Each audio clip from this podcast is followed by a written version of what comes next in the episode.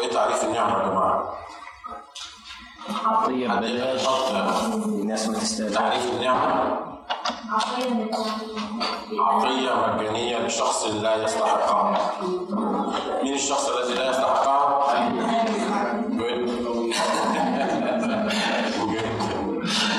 ما يقدر ما يقدر إحنا بن- بنكمل تأملاتنا مع بعض في الصلاة الربانية. والحقيقة كنا فاكرين إحنا هنخلص لا تدخلنا في تجربة في في مرة واحدة. بعدين قلنا كمان ناخد مرة تاني فيها لأن فيها تأملات كتيرة. آه لكن إذا الرب عايز يغطي الموضوع من كل الجوانب بتاعته. وصلنا المرة اللي فاتت إلى كيف تخرج من التجربة؟ إزاي تطلع من التجربة؟ لأن لو قلت لك إيه التجربة؟ وإزاي تصلي؟ عشانها لكن ما عرفتش إزاي تطلع منها. يعني سهل الكلام النظري سهل لكن الكلام العملي هو اللي صعب.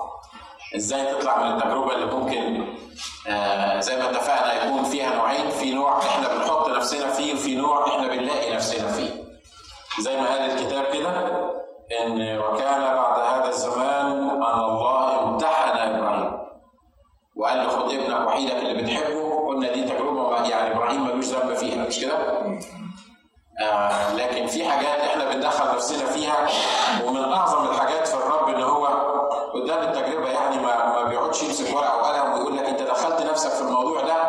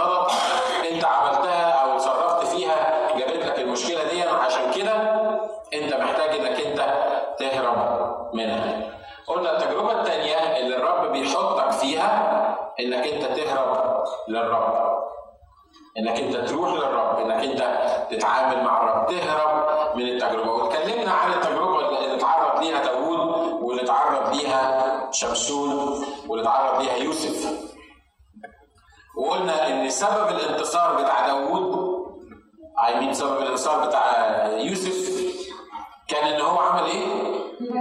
ها؟ هرب مش كده؟ مش إن هو يعني يعني لأي سبب تاني لكن هو بمجرد ما جت التجربة قدامه هرب لكن سبب الكسرة بتاعت داوود إنه ساعه ما اتحط في التجربة وقف وفكر سمارت وضحك على الناس كلها اللي حواليه وفكر نفسه إنه هيقدر يخبي الجريمة اللي عملها عرف يقتل الراجل خلاص وخد الست وبقيت مراته.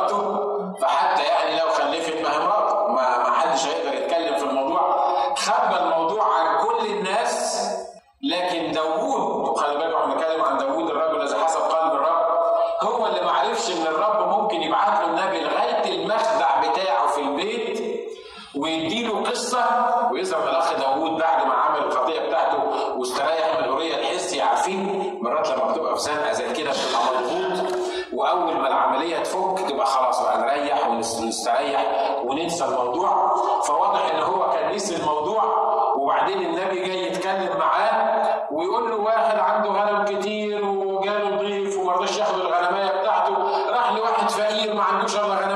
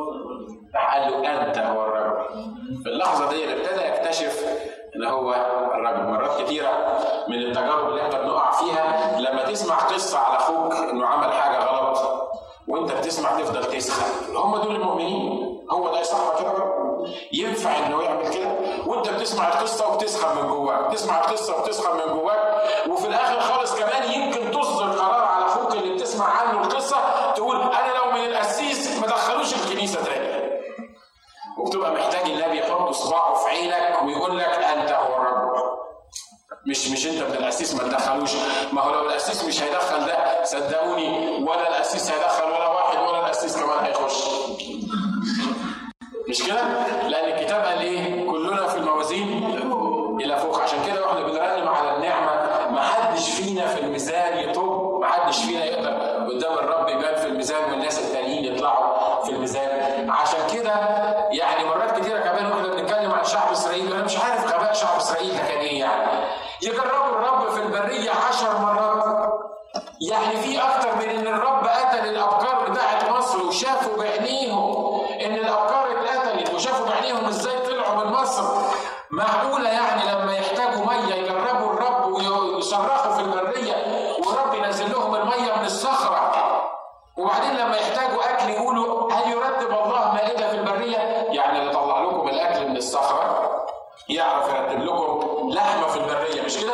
والرب يقول طب أنا هوريكم أرتب مائدة في البرية ولا لا؟ باي ذا لو أنت في صحراء الأيام دي وحاسس إنك في صحراء اسمع اللي أنا بقوله دوت وامسك فيه حط قدام الرب قول له يا رب الناس اللي انت طلعتهم من مصر كانوا في الصحراء مش لاقيين ياكلوا وكانوا بيشتهوا ياكلوا إيه؟ دول مش لاقيين ياكلوا كمان وبيتنططوا مش بس يعني مش لاقيين ياكلوا وبيطلبوا حاجة عاديه ده مش لاقيين ياكلوا يقول لك إحنا عايزين ناكل لحمه طب لما انت مش لاقي تاكل يعني لو حد عطلك عيش ناشف ولا ولا جبنه قديمه مثلا زي اللي في بلادنا اشكر ربنا عليها مش كده؟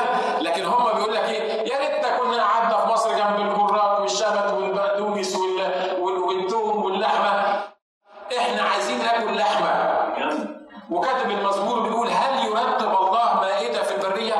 لو أنا النهارده في صحراء في احتياج مش قادر مش لاقي واعتقد يعني يمكن 80% من اللي قاعدين بينطبق عليهم الكلام ده مش كده؟ مش عايز أقول مين يرفع إيده لأن ترفع إيدك لكن واضح إن الكلام ده ينطبق على 80% من اللي قاعدين مش واحد ولا اثنين ولا خمسة. هل يرتب الله مائدة في البرية؟ إحنا جعانين عايزين ناكل ومش هناكل أي حاجة لأن إحنا أولاد الملك اللي طلعنا من مصر عشان كده إحنا عايزين لحمه هم ما قالوهاش بالاتيتيود اللي أنا بتكلم بيه دلوقتي هم قالوها عشان يجربوا الله انت جايبنا في الصحراء من غير لحمه يا أخي مش كفاية اللي طلعتك من مصر وأنت كنت مذلول لا بتاكل لحمة ولا عارف تاكل ولا عارف تشرب وكانوا عمالين يضربوا فيك ويسخروك عشان تعمل العمل وأنا طلعتك من مصر بدل ما تقول لي متشكر انك طلعتني من مصر جاي تحاسبني على اللحمه في الصحراء هل يرتب الله مائده في البريه؟ الاجابه أنا بسالكم السؤال ده هل يرتب الله مائده في البريه؟ في الصحراء يبعت لحمه جاني ايميل من قيمه شهرين ثلاثة بيقول لي اللي بعته لي بيقول لي خلي بالك ان انت وانت بتتكلم عن شعب اسرائيل والله كان بيطعمهم إزاي انت مش عارف قد إيه بالظبط كانوا بيحتاجوا أكل اليوم واحد. أنت بتتكلم عن more than مليون غالبا توني اللي بعته لي توني اللي بعت لي الإيميل ده وعمال يقول لي مش عارف كانوا محتاجين كام قطر في كام عربية بكام كونتينر في خبز بس عشان ياكلوا طاقه واحدة. لو حبوا ياكلوا لحمة مش عارف محتاجين كام لحمة. أرقام يعني لما تشوفها هتحس إنها إيه؟ وخلي بالكم هم فين؟ حد فيكم في الصحراء النهارده؟ حد فيكم حاسس إن هو محتاج النهارده فعلا إن الرب يخش في الظروف اللي هو مش لازم بس تكون ماديه لكن في حاجات كتيرة في حياتنا هل يرتب الله مائده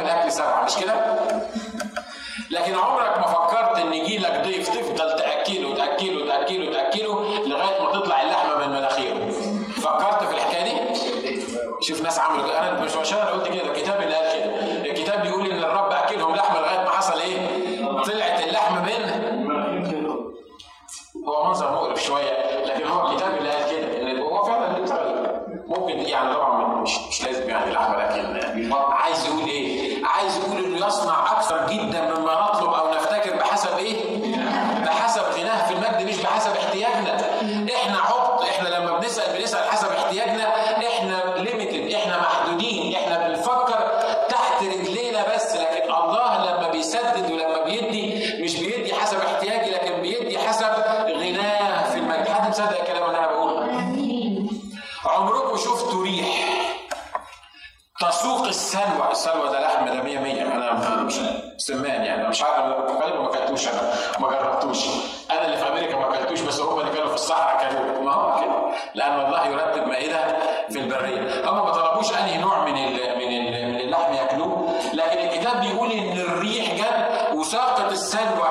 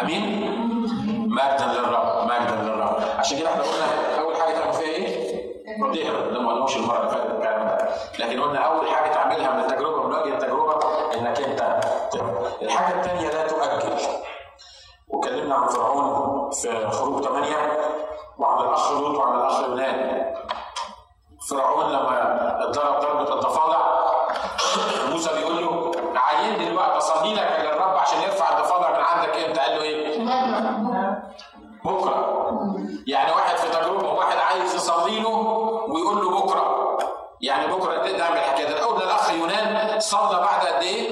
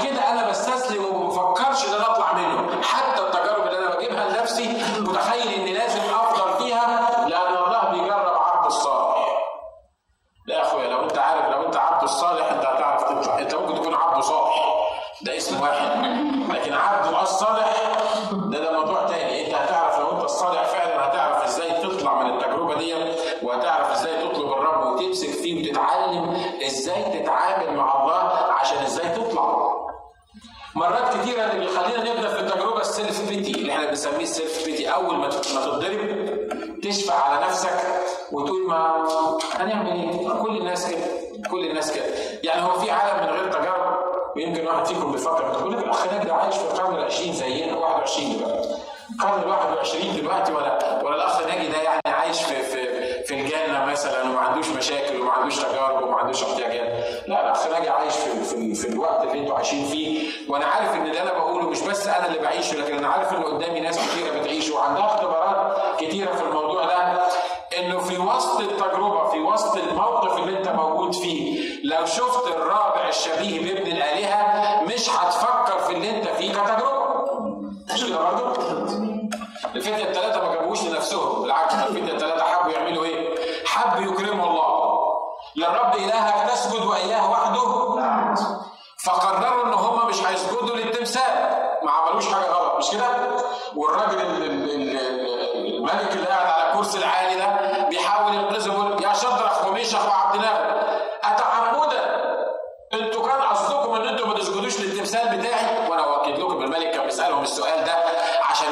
بس يقول له لا يا جلاله الملك ده إحنا مش متعمدين ولا حاجة. ده يمكن الظروف جت كده وإحنا ما خدناش بالنا. لأن واضح إن الراجل ده كان عايز ينقذهم. اتعمدا رفضتوا إن أنتوا تسجدوا للتمثال بتاعي. طب أنا هديكم فرصة تاني. هخلي المزيكا تشتغل مرة تاني. ولو سجدتوا مع المزيكا لما تشتغل مش هتخشوا إيه؟ في ناس كتيرة بتسجد مع المزيكا مش كده؟ ها؟ أول ما الموسيقى تشتغل تلاقي نفسك بتعمل أي حاجة، أول ما يجيلك فكرة في دماغك زي ما كنا بنتكلم امبارح عن درس الكتاب أول ما تسمع صوت الناي تلاقي نفسك بتتهز وبترقص وأنت ناسي الجو اللي حواليك. واللي حصل إنه جاب الموضوع ده تاني وقال لهم أنا أنا هديكم فرصة تانية، مين اللي هديكم فرصة تانية؟ الملك. دول الاغبياء دول بيدخلوا نفسهم في تجربة يعني يعني في حد الملك يديله فرصة تانية وهو يقف يقول له لا أنا مش عايز الفرصة التانية دي يا شدرخ ومشخ وعبد الله وهديكم فرصة تانية وهخلي الموسيقى تشتغل وكل اللي عليكم إن أنتوا تسجدوا شفتوا هم ردوا عليه قالوا إيه؟ قالوا له اسمع يا نبوخذ نصر إيه ده؟ دول واقفين قدام الملك وفي تجربة وقدامهم أتون النار مش كده؟ يعني المفروض إن هم يبصوا لاتون النار ويحاولوا على الأقل يمشوا أمورهم زي ما إحنا بنعمل في الأيام اللي إحنا عايشين فيها دي. لما تنزلي تمشي امرك مش مهم تكسب شوية مش مهم. يعني تخادع مش مهم. يعني تقول كلام مش مظبوط قوي. قول اللي تقوله واللي في القلب في القلب يعني ما ما هو الرب عارف إن أنت مزنوق وعارف إن كلنا بنمر في المشكلة دي اسمع يا نبوخذ نصر. لا يلزمنا أن نجيبك عن هذا الامر لا يلزمكم ما هو لو ما يلزمكمش تجيبوا عن هذا الامر أنا هجاوبكم وادخلكم الاتون المحمد ده والراجل طبعا سمع كلمتين أنتوا واخدين بالكم ان ان واحد قدام الناس بيقول للملك اسمع يا نبوخذ نصر ينفع الكلام ده؟ يمكن لو جيت قدام ناس غربه مثلا قلت لي يا ناجي يمكن أنا اتخيل ما قاليش ليه قسيس مش هبقى اشكر بتفرقش معايا تقول لي ولا تقول لي قسيس أدوك كده اباوت الحكاية لكن يمكن أنا مثلا لو دكتور وما قلتليش يا دكتور فلان يعني تبقى شوية شوية متعبة يعني. أنا دكتور فلان أنا موجود في المستشفى. لما تيجي تتعامل معايا لازم تقول لي يا دكتور فلان. لكن تخيل معايا إن ده واقف قدام الملك بيقول له اسمع يا نبوخذ نصر لا يلزمنا أن نجيبك عن هذا الأمر. ما تضيعش وقتك. إحنا مش عايزين نتكلم معاك في الموضوع ده.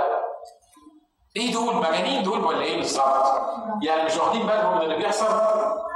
والراجل طبعا يكلموه بالطريقة دي إن هو يحمى ويحمى ويسخن وكل ما يسخن الأتون يسخن كل ما يحمى يحمل الاتون مرة تاني لغاية ما وصل الأتون سبع أضعاف لدرجة إن اللي رموهم في الأتون يتحرقوا. وبعدين وهم؟ يعلم الرب كيف ينقذ اتقياء مش كده؟ والملك وهو قاعد وهو يعني في الغضب بتاعه يقول خليهم يتحرقوا هم يقولوا لي أنا نصر أنا اديهم فرصة تاني ما يسمعوش هم اللي يعملوا كده وهو بيبص في الاتون وبعدين يقول للناس اللي حواليه إحنا مش رمينا ثلاثة برضه مش هم ثلاثة اللي كانوا في الاتون بس أنا شايف أربعة أربعة أخبارهم إيه؟ بيتمشوا بيتمشوا مش كده؟ عمركم شفت واحد بيتمشى في النار؟ آه زي السلوى والسمان اللي جت في الصحراء. مش هي ده برضه نفس المثل؟ مش كده؟ شفتوا واحد مثلا بيتمشى وهو محذوف في الأتون وبعدين بيتمشى. يا سلام على الناس دول. أنا ما أعرفش كانوا بيقولوا إيه للرب وهو ماشي معاهم أربعة ماشيين متهيألي عمالين يكلموا الرب ويقولوا له أنت جيت منين؟ والرب يقول لهم ما يهمكمش تشوفوا لما أنتوا تسجدوا للرب إلهك بس وإياه وحده تعبد الله آمين. يبقى أمين لا يقدر أن ينكر نفسه. أنا مش عارف صدقوني حتى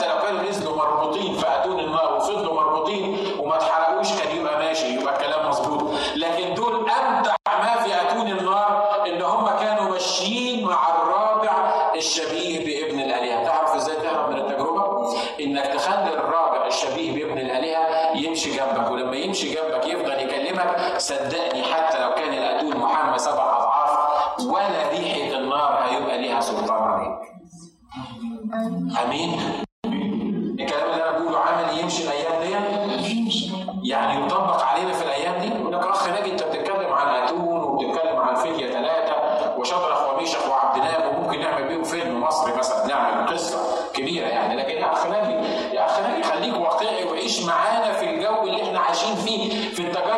عايشين فيها. صدقوني يا حبايب أنا بكلمكم عن اختبار شخصي وأنا متأكد لو أعطيت الفرصة للناس اللي موجودين قدامي منهم ناس كثيره هتطلع تأكد الكلام ده. وتحكي لكم اختبار. كم واحد يأكد الكلام اللي أنا بقوله ده؟ ان شاف الرب في وسط الأتون. عشان كده التجربة الكبيرة دي اللي ممكن حتى لو أنا دخلت نفسي فيها حتى لو كان شكلي إن أنا استخبيت فيها ورديت على الملك بطريقة غلط لكن وأنا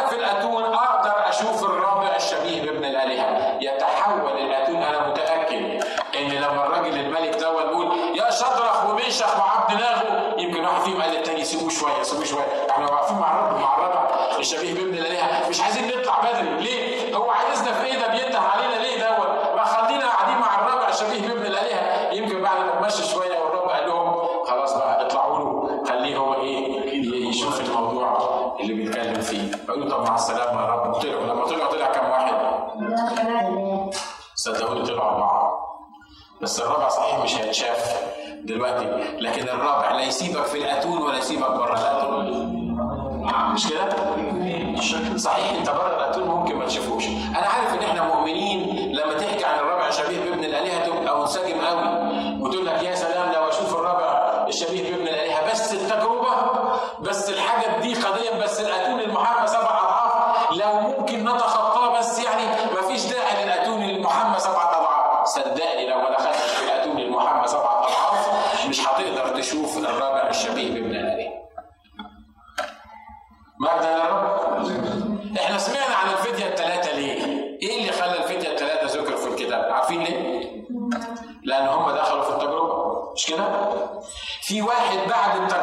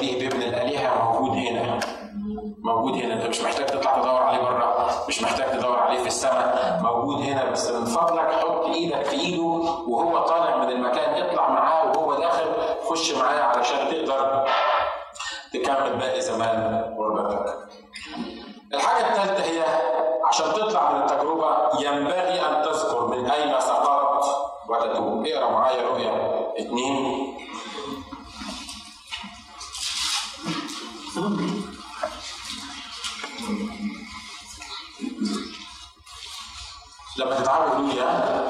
أصل أنا في الكنيسه هنا بنخلص ترنيم لما نشطب وبنخلص وعظ لما نتعب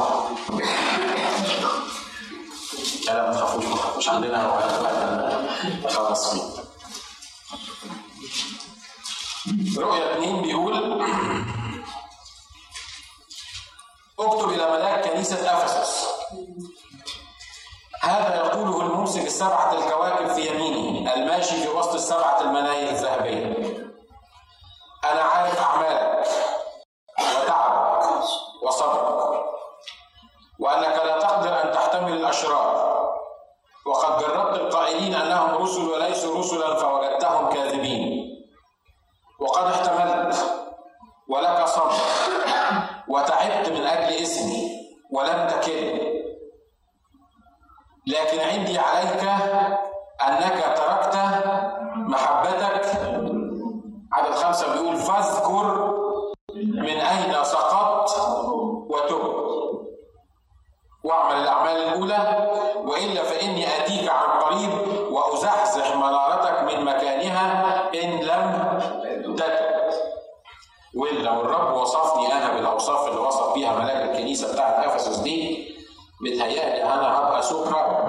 مش كده؟ بيقول له إيه؟ يقول أنا عارف أعمالك تعبك صبرك أنت لا تقدر أن تحتمل الأشرار جربت القائلين أنهم رسل وهم مش رسل لأنه واضح أن كنيسة أفسس دي كنيسة أفسس دي. أول كنيسة بتشير لأول كنيسة كان فيها الرب اللي هي كنيسة الرسل. وواضح لما كان الرسل موجودين على الأرض ناس كتير حبوا يعملوا رسل حبوا يدعوا الرسولية يعني عشان يضموا نفسهم للرسل. فواضح إنه ناس كتيرة بيقولوا إن هم رسل. والراجل ده كان عنده روح تمييز أو الملاك ده كان عنده روح تمييز أو العصر ده بتاع الكنيسة كان فيه روح تمييز بحيث إن اللي هم بيدعوا الرسولية ممكن في منتهى البساطة يكتشفوهم وقد احتملت ولك صبر وتعبت من أجل اسمي ولم تكل يعني واحد صابر وبيتعب وبيشتغل في حقل الرب ومش بيكل مين فينا تنطبق عليه الأوصاف دي؟ أنا بصلي بقول يا رب من فضلك خلي الأوصاف دي تنطبق عليا لكن بعد الأربع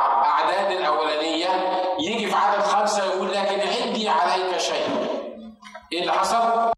أنك تركت محبتك طب يا رب حتى لو أنا تركت محبتي الأولى مش كفاية تعبي مش كفاية صبري مش كفاية طول أناتي مش كفاية إن أنا احتملت الرسل واكتشفتهم اللي هم بيقولوا إن هم رسل وهم مش رسل مش كفاية يا رب إن أنا آه، تعبت وصبرت ومش كفاية إن أنا لم اكل لا مش كفايه الكلام ده كله لأن محبتك الاولى بالنسبة للرب هي اهم حاجة عنده لأن مش تعبك ولا صبرك ولا خدمتك ولا اللي انت تقدر تعمله للرب ولا اللي انت تقدر تدفعه للرب ولا اللي انت تقدر تجيبه للرب مهما كنت انت الخادم المغوار يعني مش هو ده الميزان الأول أو التقييم الأول عند الرب ده مش ترتيب الأمور الحقيقيه إحنا دايما بنعكس الأمور مش كده دايما بنحاول نجيب الحته اللي على مزاجنا الأول وبعدين نحط الباقي زي ما كنا بنتكلم عن الصلاه الربانيه بنقول ابانا الذي في السماوات ليتقدس اسمك لياتي ملكوتك لتكن مشيئتك كما في السماء كذلك على الأرض وبعدين بيقول إيه خبزنا كفافنا قلنا ان إحنا لما بنصلي دايما ما بنقولش تقريبا 80% من صلاتنا عباره عن إيه؟ ها؟ طلبات مش كده؟ هو خبزنا اللي إحنا عايزينه إحنا بنتكلم عن خبزنا بنتكلم عن عن المشاكل بتاعتنا لكن ترتيب الرب مهم جدا اذكر من اين سقطت وتب يعني إيه الكلام ده؟ معقول يا رب انت بتطلب مني ان أنا اتوب وأنا خادم الكنيسه اللي عندي صبر وعندي شغل وعندي احتمال وأنا لم اكل كل الكلام ده رب قدامك انت ملوش اي قيمه لا قدامي أنا ليه قيمه كبيره جدا انك بتعمله لكن خلي بالك انت ضيعت الاساس اللي على اساسه أقبل منك الحاجات دي. أنا مش محتاج خدمتك لأن ليا الأرض وملؤها أنا مش محتاج عشورك ولا فلوسك لأن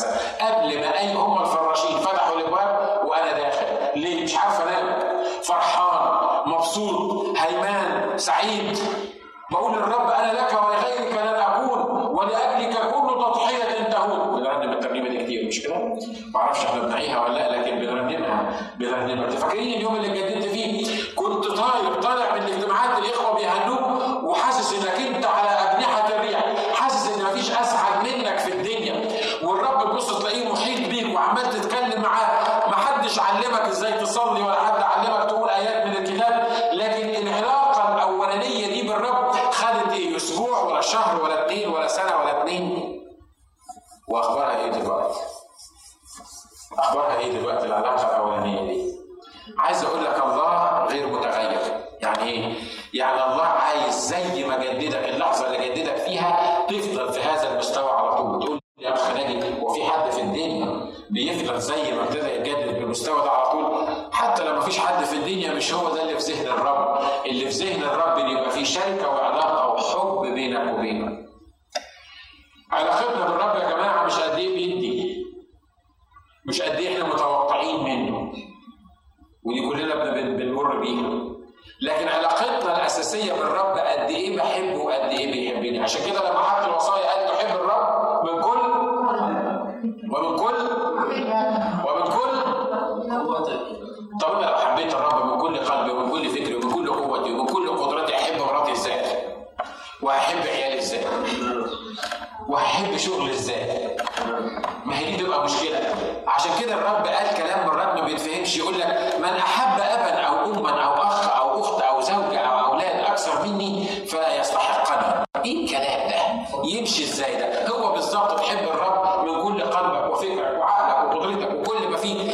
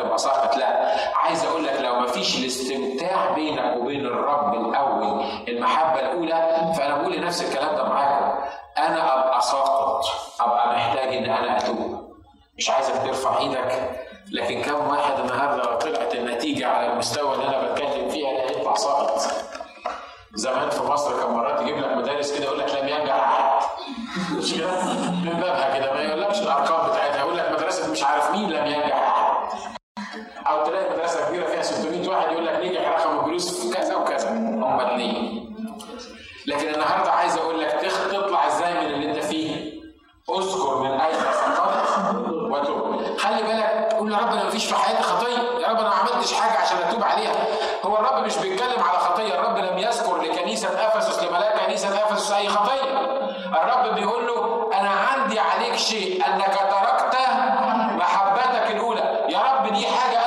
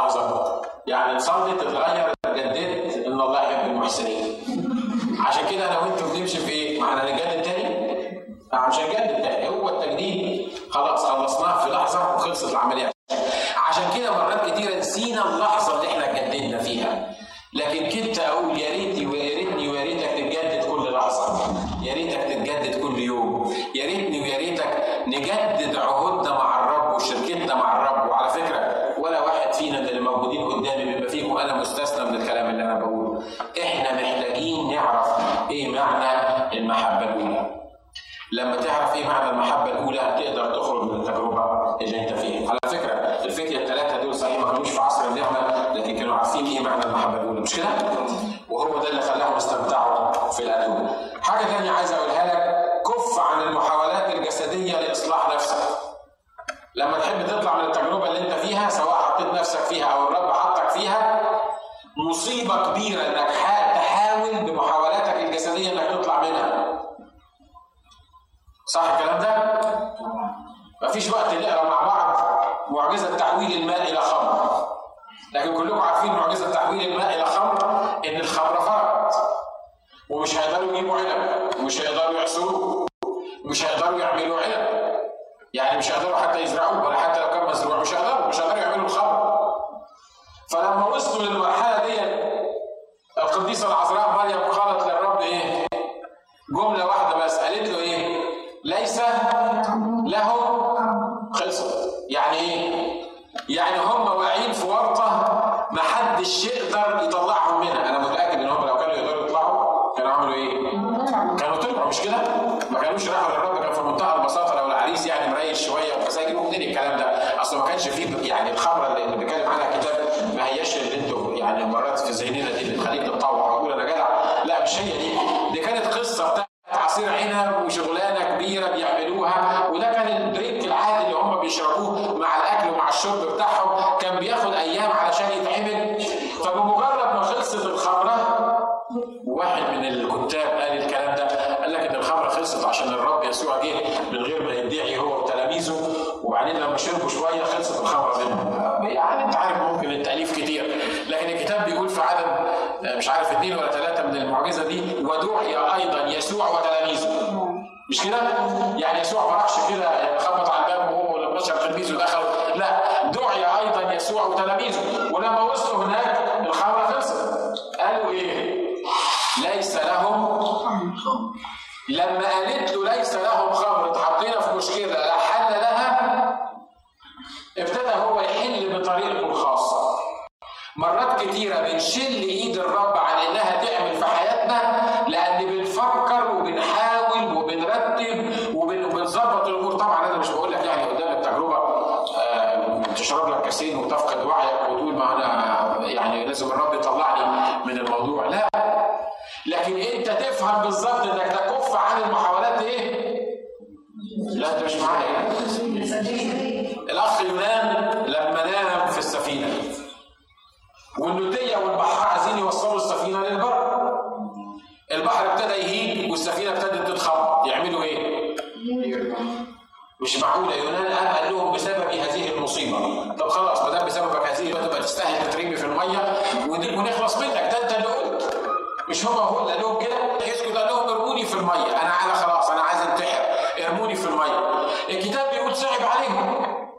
يعني هيرموا الراجل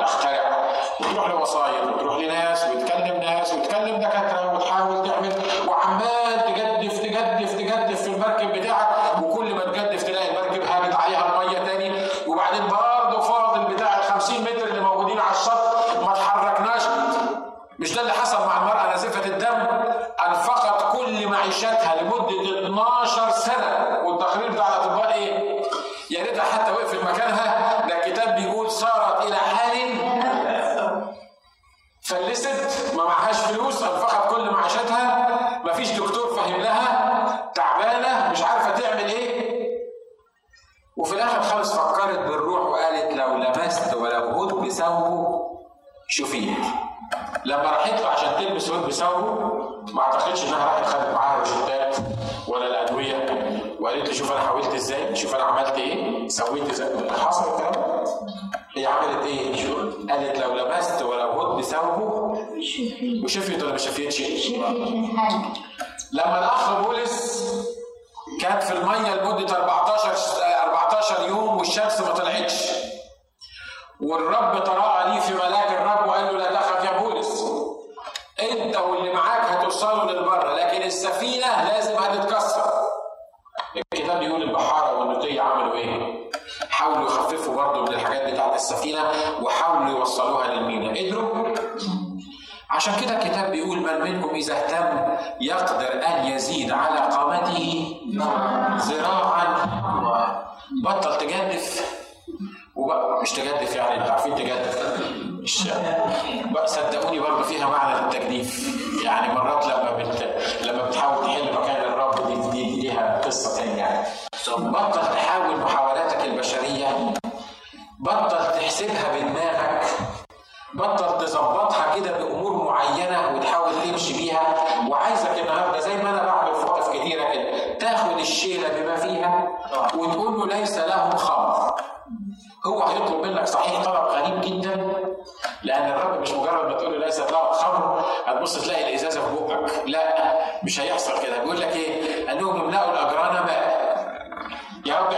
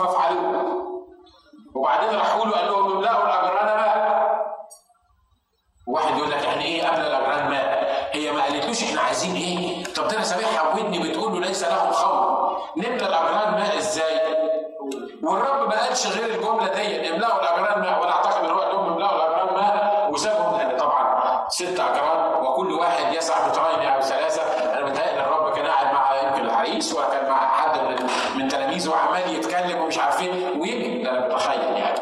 يمكن بيرفع مثلا حجمه كده الصغير ويشوف الخدام بيعملوا إيه. والخدام عمالين طبعا ما كانش عندهم خراطيم ومية وحنفية ده كان عندهم قربة بيشيلوا بيها ولا تفر الحاجة. وعمالين ياخدوا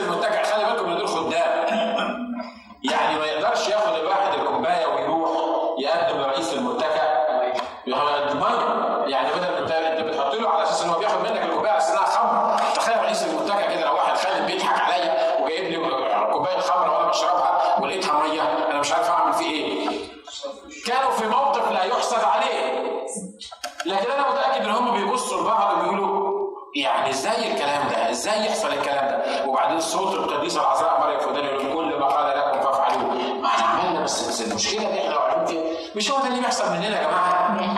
مش هو ده اللي إحنا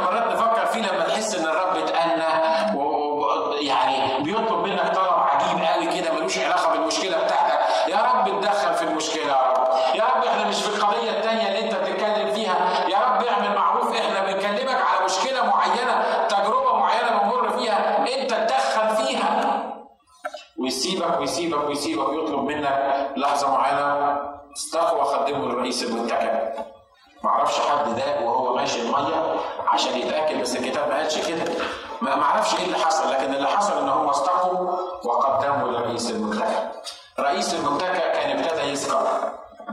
بس واضح إن الخمر اللي عمله الرب مش يسكر ده يفوق السكران مش كده؟ لما الرب يحل لك المشكلة اللي أنت موجود فيها يخليك تفوق. لأنك وأنت في المشكلة بتحاول تطلع منها أنت سكران. وأنا سكران وانت مش عارف إزاي تطلع من التجربة وعمالين نلف حوالين نفسنا لكن لما الرب يدي لك الكاس كده اللي هو عمله وتشربه تقول لك هو أنا كان دماغي فين؟ هو أنا كنت بفكر زي ما أنت ما كنتش تعرف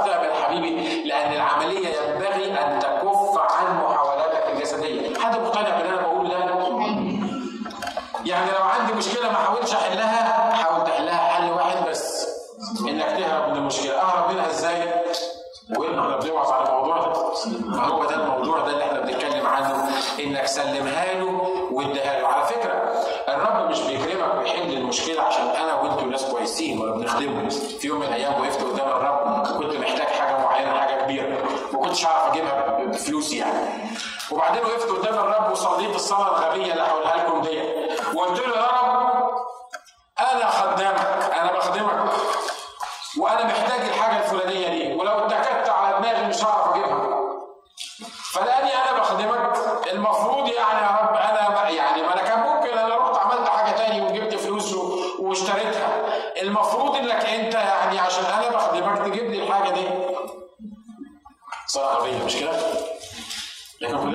مرات بنصليها وابتدى الرب يكلمني قال لي لا لا خلي بالك من الموضوع. أنا بدي لك مش عشان أنت بتخدمني. ده أنا عندي بتاع 7 8 10 15 مليون واحد أحسن منك. مش زيك حتى من الخدام يعني يعني أنت أنت أنت عشان بتخدمني أنت مش متفضل عليا. ده أنت المفروض كل يوم الصبح تيجي تشكرني لأنك أصلا أنا اعطيتك فرصة إنك تخدمني. مش كده؟ عشان كده خدمتي وعملي مش هو الحجة اللي أنا بخش بيها قدام الرب. قال لي حبيبي أنا لما بديك بديك عشان حاجة واحدة بس أنا بديك عشان انت ابني أنتوا واخدين بالكم؟ أنتوا واخدين بالكم انك بتطلع من التجربة إزاي؟ انت مش بتطلع من التجربة لانك جيت اتذللت للرب، مش بتطلع من التجربة لانك انت يعني عايز تقول للرب ان يعني إحنا في بيننا وبين بعض علاقة يعني وما يصحش انك انت تعمل معايا كده لا. الرب يطلعني ويطلعك من التجربة لسبب واحد بس عشان انت ابني عشان انت غالي عليه عشان النعمة اللي إحنا بنتكلم عليها عشان كده وإحنا داخلين قدام الرب يبقى لنا ثقة بالدخول إحنا داخلين ليه؟ لأن داخلين مش لأن